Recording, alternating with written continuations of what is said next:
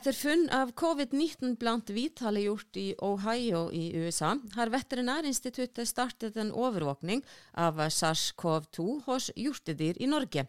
Forskere frykter at hjortedyr kan bli en ny vert for koronaviruset, som kan muteres og spre ny smitte blant mennesker.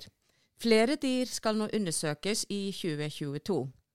Gjestene våre i denne episoden av Vettpodden er vilthelseansvarlig ved Veterinærinstituttet, Knut Matslien, og direktør for forskning og internasjonalisering, Carlos Das Neves. Jeg heter Brindis Holm og er programleder for podkasten og kommunikasjonsrådgiver ved Veterinærinstituttet. Velkomne begge to.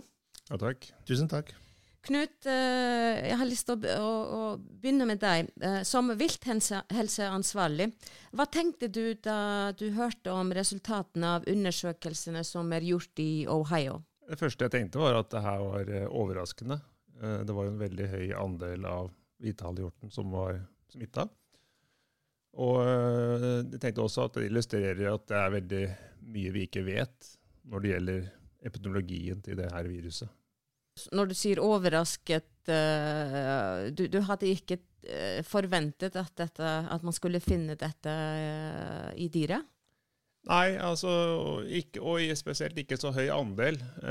og det som jeg sier, det illustrerer veldig her at vi ikke helt har oversikten over hvordan det her viruset, som primært er et virus for mennesker, men også nå begynner å komme opp i høye andeler av hvithalehjort. Så, så, det var absolutt overraskende. Og det første jeg tenkte var at det her må være et eller annet feil. At det kanskje kan være noen kryssreaksjoner. Men nå er det jo bekrefta både med antistoffer og med det som kalles PCR. altså den, den velkjente svabelen oppi nesa, som gjør at du finner arvestoffet til, til viruset. Så det er føler oss trygge på det resultatet i dag. Men, eh, men den første reaksjonen min var nok eh, en høy grad av overraskethet, og, og, at det her var noe vi ikke hadde forventa.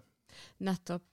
Og, og, til nå så er det undersøkt ca. 200 hjortedyr i Norge, men ennå heldigvis er det ikke funnet uh, covid. Uh, hvorfor ønsker dere å være årvåkne? Ja, Vi har jo egentlig ikke noe stor forventning om at det skal være noen positive heller. og sånn, Vi holder på med overvåkning av sykdommer. så så er det mer det her at vi må vite hva som foregår ute i naturen, for å kunne være forberedt og gi råd til myndighetene. Ehm, og det, det vi vet fra Nord-Amerika, er at hvithalehjorten der borte ikke blir syk hvis det er ingen tegn på klinisk sykdom. Så det er ikke med tanke på uh, helsa til hvithalehjorten primært at vi er uh, ute etter det her, men det er mer at vi på lengre sikt kan tenke oss at viruset hvis det etablerer seg en hjortedyrbestand eller en vill bestand, så kan det endre seg over tid, og så kan vi på et senere tidspunkt eventuelt bli smitta tilbake til menneskepopulasjonen. Og det er vel i denne sammenheng største, den største utfordringen. Ehm, men, men, viruset kan også endre seg, eller mutere, som det heter, til en mindre smittsom variant, og kanskje en variant som ikke er smittsom for mennesker, men, men ehm, ville dyr eh, er vanskelig å ha oversikt over, i motsetning til mennesker. Sånn at eh, det å være, eh, det å være framoverlent og faktisk prøve å få tak i prøver fra, fra ville dyr, det er veldig, veldig viktig. Fordi at det er, det er, ikke lett å få tak i prøver fra ville dyr, og derfor er vi veldig takknemlige for det samarbeidet vi har med kommunene og jegere rundt omkring for, som tar de prøvene for oss. Vi skal høre litt mer om, om virus og mutasjoner eh, litt senere i podkasten. Men Carlos, eh, kan du kanskje forklare hva har skjedd i USA som førte til at dyrene ble smittet, som, og som ikke har skjedd her i Norge, i hvert fall ikke ennå? Ja, dette er et utrolig vanskelig spørsmål å svare. Det er kanskje akkurat det som våre kolleger i USA er mest opptatt er Å forstå hvordan kan et virus som sirkulerer blant mennesker, landet opp på så mange hjortedyr. Det er mange muligheter som står nå på bord, som må undersøkes mer. Eh, en av de enkleste er selvfølgelig å tenke at vi vet at virus lever godt nok ute i natur. Eh, vi husker, alle husker disse diskusjonene at virus overlever i, i flatner osv. Det kan også være at uh, det kan finnes virus i vann. Dyr har tilgang til disse, til disse vann og blir smittet. Alternativ 1.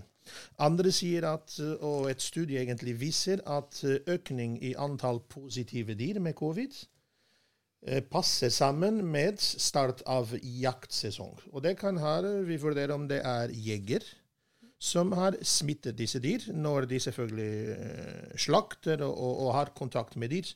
Man husker at disse dyr prøver tatt når mange av dem etter slakt. Så eh, det er uansett veldig klare eh, signaler at eh, ikke minst pga. at disse virus er sekvensert. Så vi har analysert disse arvestoff av disse virus som er funnet i hjortedyr. Og vi vet at det er akkurat det samme virus som sirkulerer blant mennesker. Så det er et mann til dyrs um, smitte her. Hvorfor, du spør meg, er litt eh, forskjellig i Norge. Vi har selvfølgelig stor forskjell på mange elementer. Nummer én eh, art. Vi har ikke disse hjortedyrart som befinnes i USA. Vi har også et antall dynamikk mellom selvfølgelig hvor mange dyr og hvor mange folk vi har på de samme sted. Og ikke minst eh, hos oss mennesker er smittesituasjonen mellom Norge og USA veldig annerledes. Antall smittet person er mye lavere i Norge enn i USA. Så alle disse elementene kan selvfølgelig bety, som Knut har allerede nevnt, at vi forventer ikke å se de samme bilder som våre kolleger i USA. Så, så, det dere sier, at uh, i tillegg til å følge smitten i mennesket, så må vi også følge smitten i uh, hjort, ikke sant? Ja, hjortedyr, som da er elg, rådyr, hjort og reinsdyr.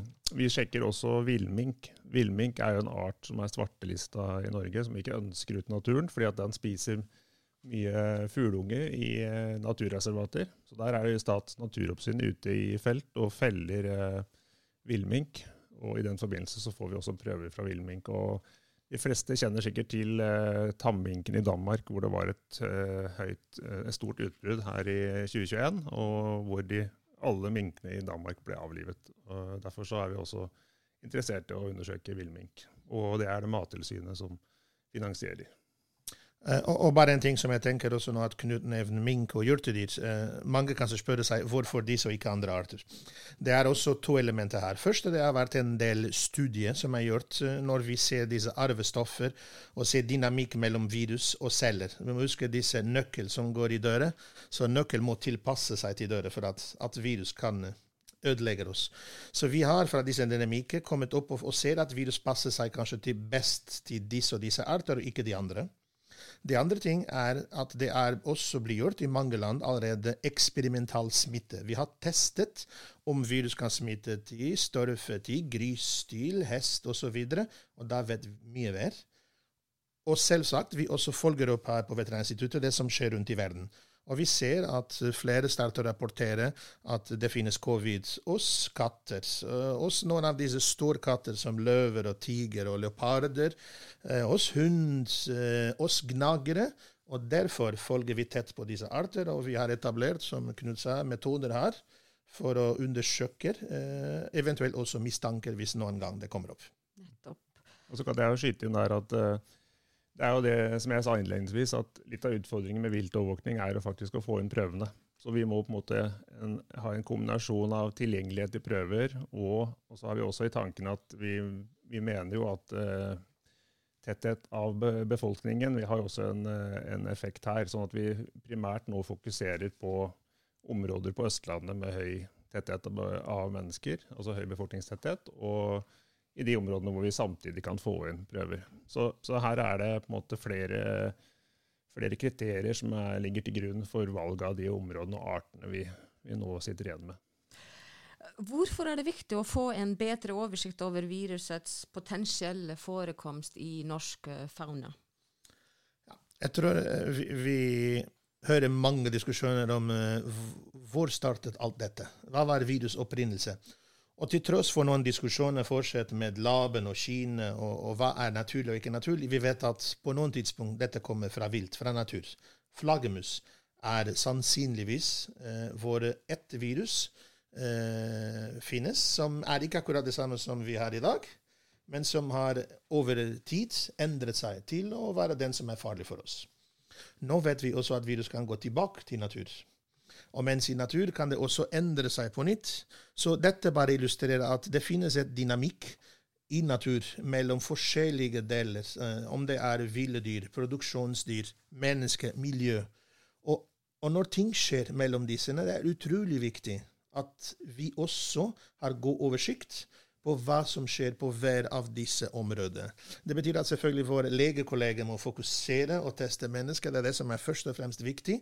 Men noen av oss må også være obs på at ville arter kan være et vert, som du nevnte Brindis i dag allerede, og derfor må overvåkes. Akkurat det samme må gjøres på miljø. Eh, og det er når vi alle jobber sammen, at vi får de beste mulige bilder, eh, og er best forbedret, forberedt for hva som kan skje. Knut, kan du forklare litt hvordan eh, Veterinærinstituttet jobber med dette prosjektet? Eh, vi har godt samarbeid med jegere. Så I høst, altså høsten 2021 så hadde vi en del kontakt med jegere på Østlandet eh, som da tok prøver i forbindelse med ordinær storviltjakt. Og da tok de da både en blodprøve og en svaberprøve i nesa. Og med den blodprøva så sentrifugerte de, dvs. Si at man skilte den væskefasen fra resten av blodcellene, og så sendte man inn det som heter serumet. Det er det, den væskefasen som er øverst i, i blodprøverøret.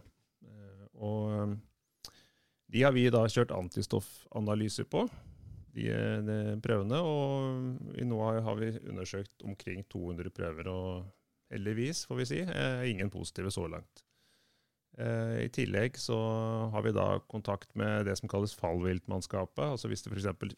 blir påkjørt et rådyr, så er det da i hver kommune en gruppe som heter fallviltmannskaper, som har ansvar for å håndtere sånne situasjoner. Eh, og i området rundt Oslo så har vi da kontakt med disse gruppene, som da gjør samme prøvetagningen.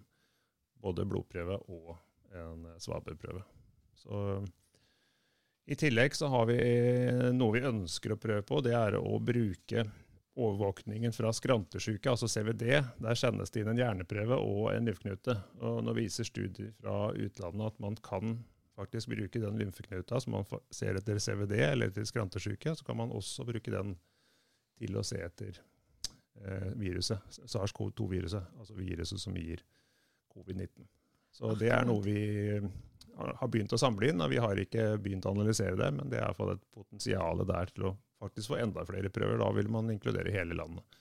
Det her blir på en måte litt sånn trinnvis oppbygging. altså Vi konsentrerer oss nå om de sentrale østlandsområdene for å få for å begynne et sted der vi tror det er størst sannsynlig, hvis det skulle være noe. Og så får vi da eh, evaluere litt underveis. Og Hvilken betydning kan disse undersøkelsene i Norge ha? Eh, det er en del av kunnskapsoppbyggingen, sånn, eh, som er Veterinærinstituttets samfunnsoppdrag. Vi skal gi myndighetene råd, og da må vi på en måte samle inn de dataene på en god måte. Norge, i samarbeid med en del andre land i Europa, vi er nå i gang med å undersøke ville dyr også for viruset og dets antistoffer. Men Carlos, eh, som forskningsdirektør ved Veterinærinstituttet, hva, hva er det nå som forskere frykter mest i, i forbindelse med dette her? Selvfølgelig internasjonalt. Eh, vi, vi, står nå foran et virus eh, koblet til et pandemi som vi si, ganske desperat prøver å kvitte oss med.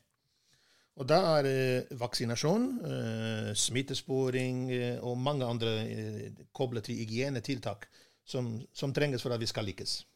Men bare tenk hvis mens vi gjør dette, plutselig det finnes to-tre eh, ville arter der ute, hvor virus kan oppstå, kontinuerlig skilles ut, eventuelt endre til å være, som nevnt, kanskje mindre farlig, men kanskje mer farlig, og komme tilbake til oss. Dette kan ødelegge et større dugnad, felles dugnad vi jobber sammen med. Og derfor er det utrolig viktig selvfølgelig å forstå først hvis dette kan skje, hva er risiko, og hvis det finnes den risiko, å implementere så tidlig som mulig alle de mulige tiltak. Og da viser at uh, forskning som kobler seg veldig godt til overvåkning, eh, og, og, som prøver å, forutsi og forebygge, er er helt avgjørende for at vi skal lykkes fremover. Så det er det som kanskje vi frykter, er at kanskje det finnes noen art der ute hvor covid kan holde seg og endre seg og den verst mulige scenarioet er hvis plutselig det blir enda mer farlig. Og det, det ønsker vi ikke. Og da, da, har jeg lyst til å spørre deg om du kan forklare litt hva det betyr når et dyr blir en vert for et virus, og, og, og hvordan muteres virus, og hvorfor kan det være farlig for mennesker? Ja, For å, prøve å gjøre dette veldig enkelt, er at uh, virus eller bakterier, men forskjellige patogener som kan gi sykdom, de kan være veldig spesifikke til forskjellige arter. Noen ting smittes bare mellom oss mennesker. Og hvis du, har, uh, hvis du prøver å gi den uh, patogenet til et katt eller et hund, ingenting skjer. Det er andre som kan gå fram og tilbake mellom dyr og mennesker, det som kalles zoonoser. Så det skjer også av og til i natur, at det kan finnes der et dyr som kan smittes av et patogen, et virus eller et bakterie, som eh, gir oss mennesker sykdom.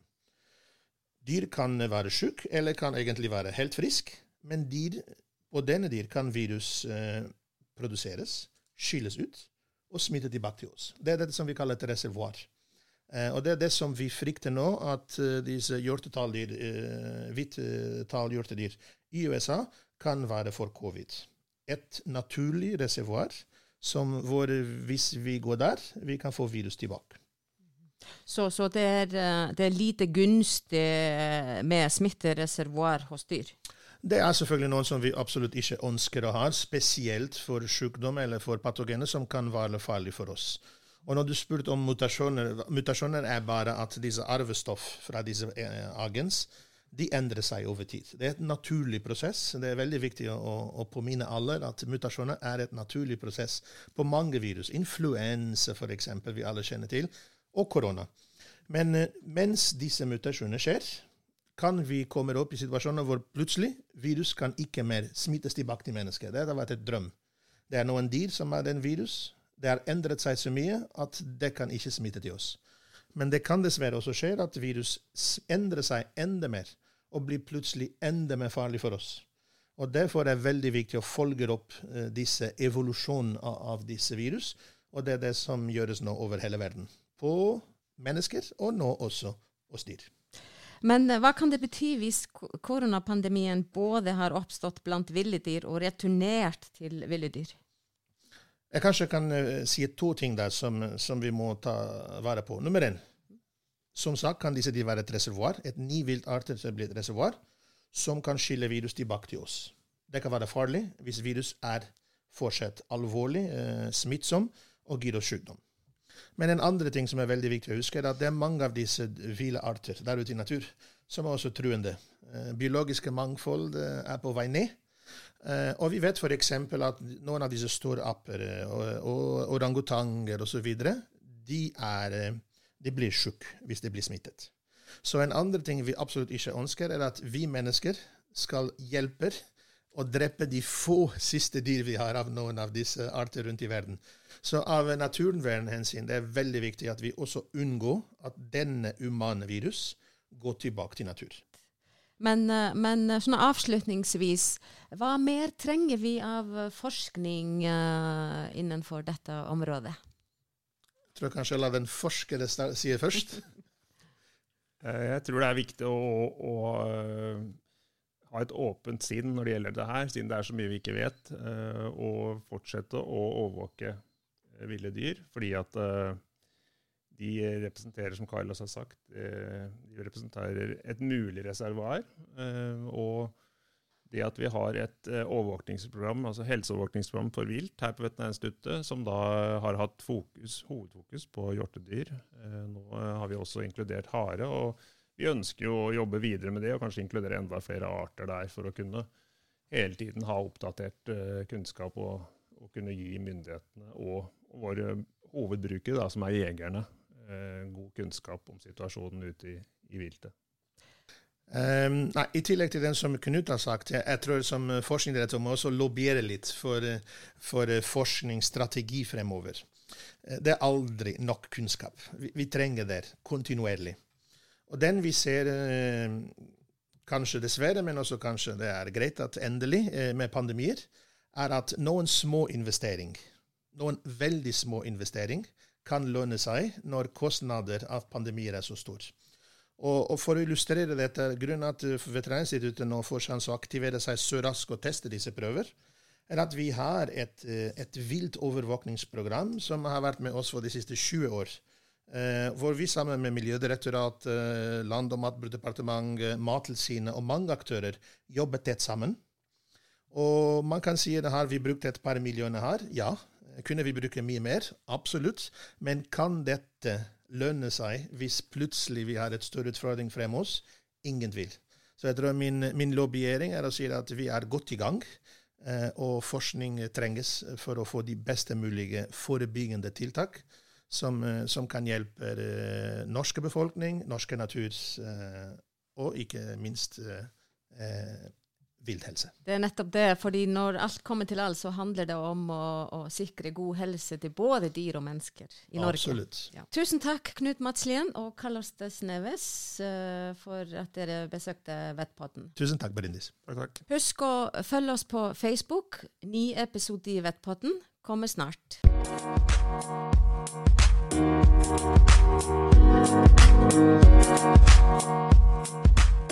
Thank